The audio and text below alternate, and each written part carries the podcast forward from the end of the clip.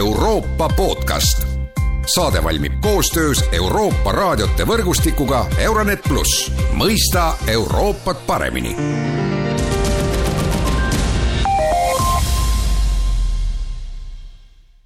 tere jälle kuulama Euroopa podcasti. Itaalias peeti pühapäeval valimised, millest väljus võitjana äärmusparempoolsete koalitsiooni eesotsas Giorgia Meloniga, kellest saab ilmselt esimene naine Itaalia valitsuse eesotsas. Itaalia valimiste järelmõjusi on tulnud kommenteerima Eesti Välispoliitika Instituudi nooremteadur Merili Arjakas, tere päevast! tere! ja mina olen Erkki Vahovski. ja no võib-olla peaks natuke seda tausta avama, et et, et me ju teame, et need valimised olid erakorralised ja peakski siis küsima, et miks nad erakorralised olid, et miks see eelmine valitsus siis laiali läks? eelmine Itaalia valitsus oli niinimetatud ühtsusvalitsus, kus osalesid kõik parlamendiparteid, välja arvatud Meloni juhitud Itaalia vennad, mis jäi sellest siis kõrvale aga kuna see oli niivõrd kirju, siis oli seda väga raske, oli seda kampa omavahel koos hoida ja tehnokraadist valitsusjuht, kes oli kutsutud seda juhtima, Mario Draghi, ta lihtsalt väsis ära sellest pidevast omavahelisest kemplemisest. ehk siis, kui me vaatame niimoodi ametlikult koalitsiooni laialiajamise taga, põhjust, siis selle taga oli üks seadusandlus, mis siis käsitles abipaketti, mida koroonamõjude leevendamiseks valitsus andis äh, asutustele, mm, Itaalia elanikele ja suureks tüliõunaks sai üks Roomast või Rooma, Roomas olnud prügipõleti. aga minu jaoks ikkagi tegelikult pigem oli see sisu lihtsalt see, et eh, poliitilised jõud, kes arvasid, et võib-olla nad saavad valimistest eh, rohkem võita ja Draghi, kes ei jaksanud enam seda valitsust koos hoida ja nii-öelda uue poliitilise komeedina tõusis siis Itaalia poliittaevasse Giorgia Meloni äh, no temast on äh, rahvusvahelises meedias viimastel päevadel väga palju räägitud, aga aga, ja Itaalias need poliitilised äh, pöörded ju käivad ka täistuuridel, mis tähendab seda siis ühe, et ühel päeval võib see inimene olla täiesti tundmatu ja teisel päeval jälle nii-öelda rambivalguses. Äh, sinu kommentaar, miks Meloni need valimised võitis? hästi lühike kommentaar oleks selle kohta, et Matteo Salvini kaotas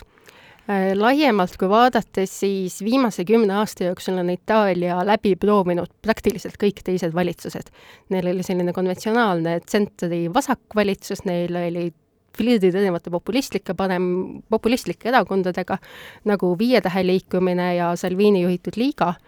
ning tehnokraadist juhitud valitsus ja ega Itaalia elanikkond ei tunne, et ükski nendest valitsustest oleks olnud edukas või nende huvesi väga hästi esindanud ja kuna Salvini, kes äh, siis oli üpriski edukas eelmistel valitsus, valimistel, on oma kaardid maha mänginud, ähm, ta on negatiivselt silma paistnud nii pidutsemisega kui ka Putini meelsusega, siis äh, Melanil oli võimalik tema kõrval välja paista kui selline uh, usutavam, laiahaardelisem uh, poliitik. Meloni plussiks on see, et nagu eelpool mainitud, siis kuna ta ei läinud selle rahvusliku ühtsuse valitsusse, ta on olnud opositsioonis, siis ta on saanud valitsust kritiseerida väga usutavalt. ja samal ajal, kuna ta ei läinud seda, siis see, see tema valijaskonna tuumik oli, oli, et et see käik oli usutav. et, et ta jääb oma põhimõtete juurde, et ta ei ole lihtsalt võimu nimel valmis nendest loobuma no tegelikult neid valimisi iseloomustas praegu ka küllalt madal osavõtt, kuuskümmend neli protsenti valijaskonnast äh, läks hääletuskastide juurde, et äh, tundub, et nii ongi, et äh, itaallastel on päris palju ükskõik sellest poliitikast, et olukord on hull ja ja noh, ma meenutan ka seda, et, et Itaalias oli ju paar aastat tagasi nagu täiesti hull olukord seoses koroonaga ja nüüd on sinna siis lisandunud kõrgenenud e-, e-, energiahinnad ja, ja sellest tulenevalt ka kõik muud hinnad, et e, tundub nii, et paljud inimesed on nagu käega löönud. seda valimisaktiivsuse langust on näha väga pika aja jooksul et igad järgne, igane järgnevad valimised toovad aina vähem inimesi välja. tänavuste valimiste puhul peab märkima ka see, et kuna valimised toimusid septembris, et siis see põhiline kampaania jäi suveperioodi, kus on väga kuum ilm, inimesed tahavad välja minna, keegi ei jaksa poliitikale väga palju tähelepanu pöörata. aga loomulikult on siinkohal väga suur selline riigis, riigi institutsioonides, poliitilistes parteides pettumine no tegelikult ju palju rõhutatakse ka seda ja, ja minagi ütlesin äh, saate avalauses, et äh, Meloni on Itaalia või temast saab ilmselt Itaalia esimene naispeaminister. Ja noh, tavaliselt see, et äh, naine saab poliitikas kuskile kõrgele kohale, on tähendanud sellist progressiivsust ja edumeelsust ja seda on seotud siis tavaliselt ka nagu vasakpoolsete vaadetega, noh ehkki nüüd muidugi meenutame, et Margaret Thatcher oli, oli konservatiivne, aga ikkagi, et et üldiselt peetakse sellise, seda selliseks progressiivsuse märgiks, aga noh, tõsiasi on ju see, et Merolil on väga ultrakonservatiivsed vaated, et ta ta kindlasti ei, ei esinda sellist progressiivset maailmavaadet mina ütleks niimoodi, et see naiste ja progressiivsuse seos on tekkinud viimastel aastakümnetel, et kui me ikkagi vaatame naiste valimisaktiivsuse ajalugu, siis naised on olnud pigem konservatiivsemad kui mehed. lihtsalt viimastel aastakümnetel, kui on võib-olla mingid progressiivsed teemad, naiste õigused rohkem lauale tulnud, siis see on kaldunud tõesti väga selgelt sinnapoole, et me justkui ootame naiskandidaate rohkem vasaktiivast kui aga samas vaadata Marine Le Peni Prantsusmaal, siis ega tegelikult konservatiivsed tugevad naispoliitikud ei ole midagi väga erilist, neid leidub ka teistes riikides.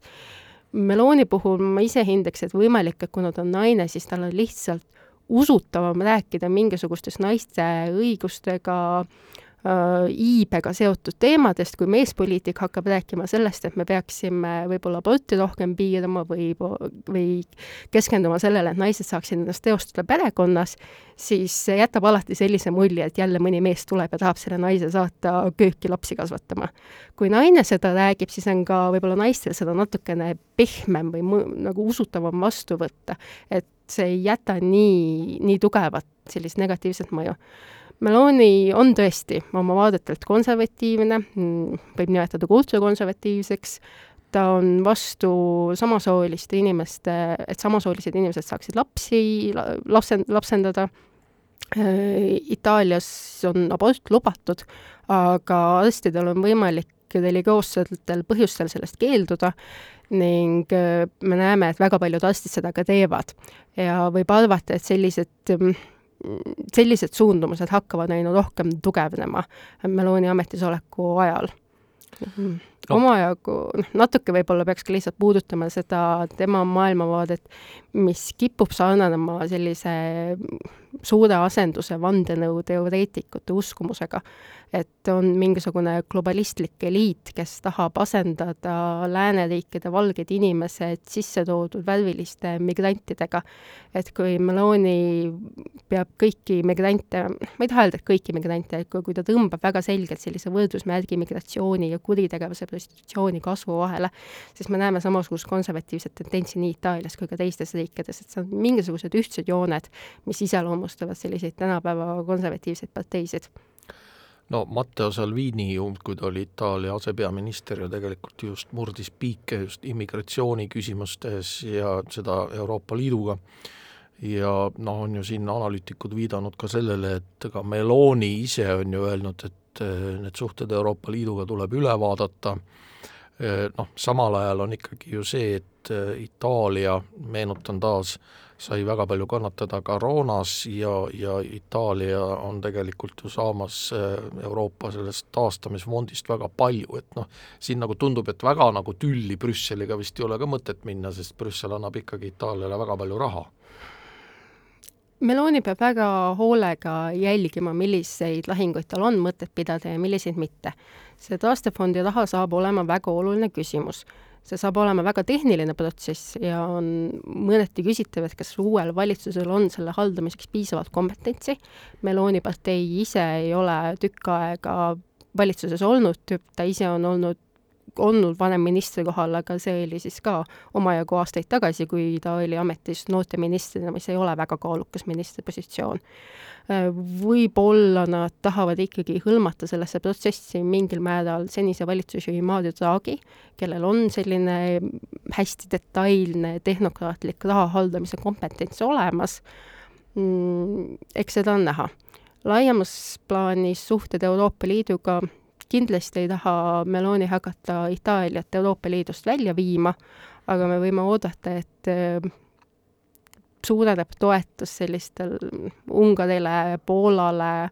mm, just eriti sellistes õigusriigi küsimustes, et äh, need suhted võivad muutuda pinevaks Euroopa Liiduga no kas sa usud, et tekib mingi selline plokk lausa, et noh, praegu oli selline nii-öelda tandem ja see tandem on võib-olla nüüd Ukraina sõja tõttu ka veidi lõhenenud, ehk siis Poola ja Ungari, nüüd siis sinna juurde tuleb Itaalia ja noh, see oleks juba selline tõsisem peavalu Brüsselile?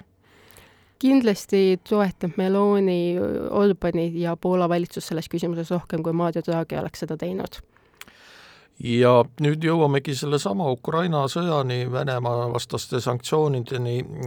et et eh, noh, Meloni on ise tegelikult väljendanud väga kriitiliselt eh, end Venemaa suhtes ja ja kutsunud üles Ukrainat igati, igati toetama,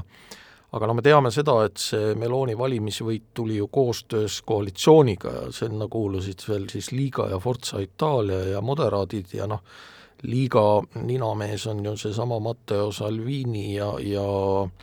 Forza Itaaliat juhib Silvio Berlusconi, mitmekordne endine Itaalia peaminister ja just eh, enne valimisi veel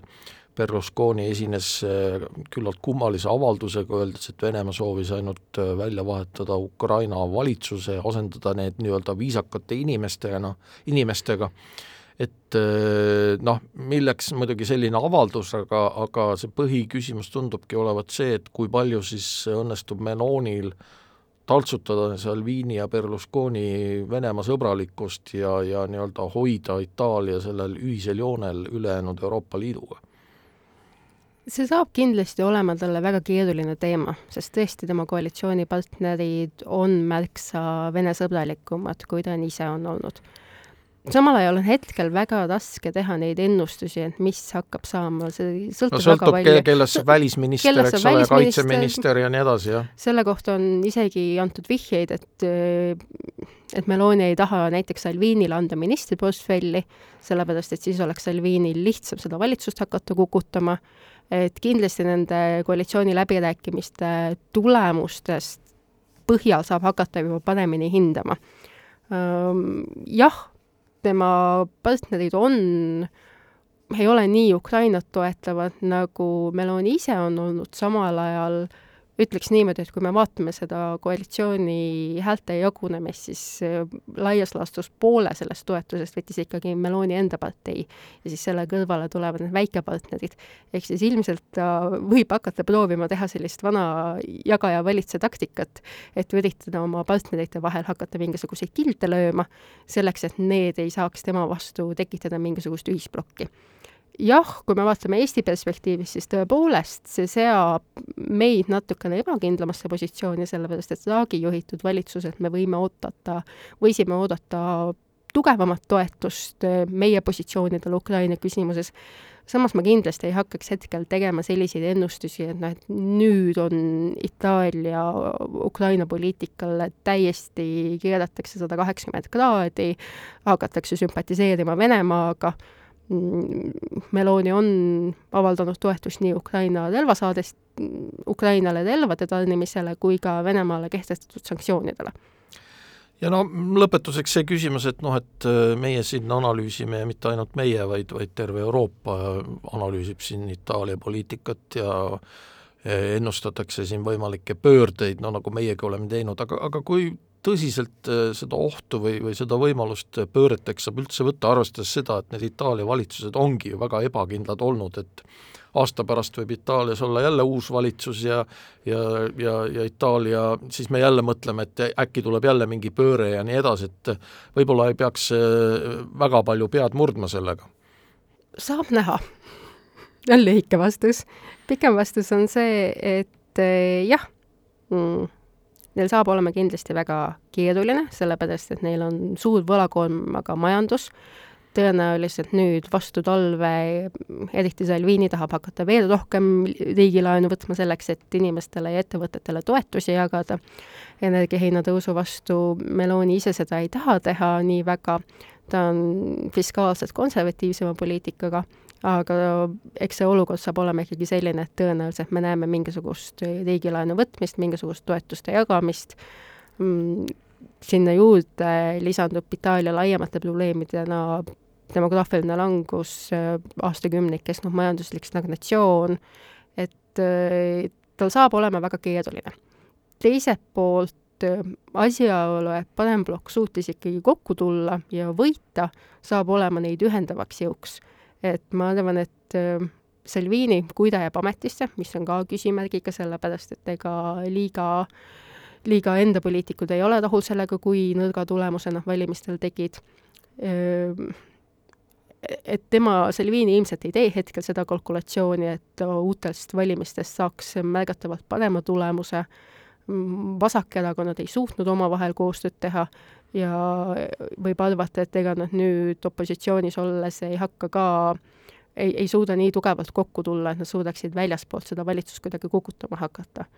ehk siis loomulikult see välk võib tulla selgest taevast ja Itaalia valitsused on kogu aeg savijalgadel, nad võivad iga hetk kukkuda. aga pigem ma arvan, et me ei hakka siin järgmise poole aasta jooksul rääkima uutest valimistest Itaalias. Selge pilt, aitäh, Merili Arjakas, te kuulasite Euroopa podcasti, kõike head ja kuulmiseni!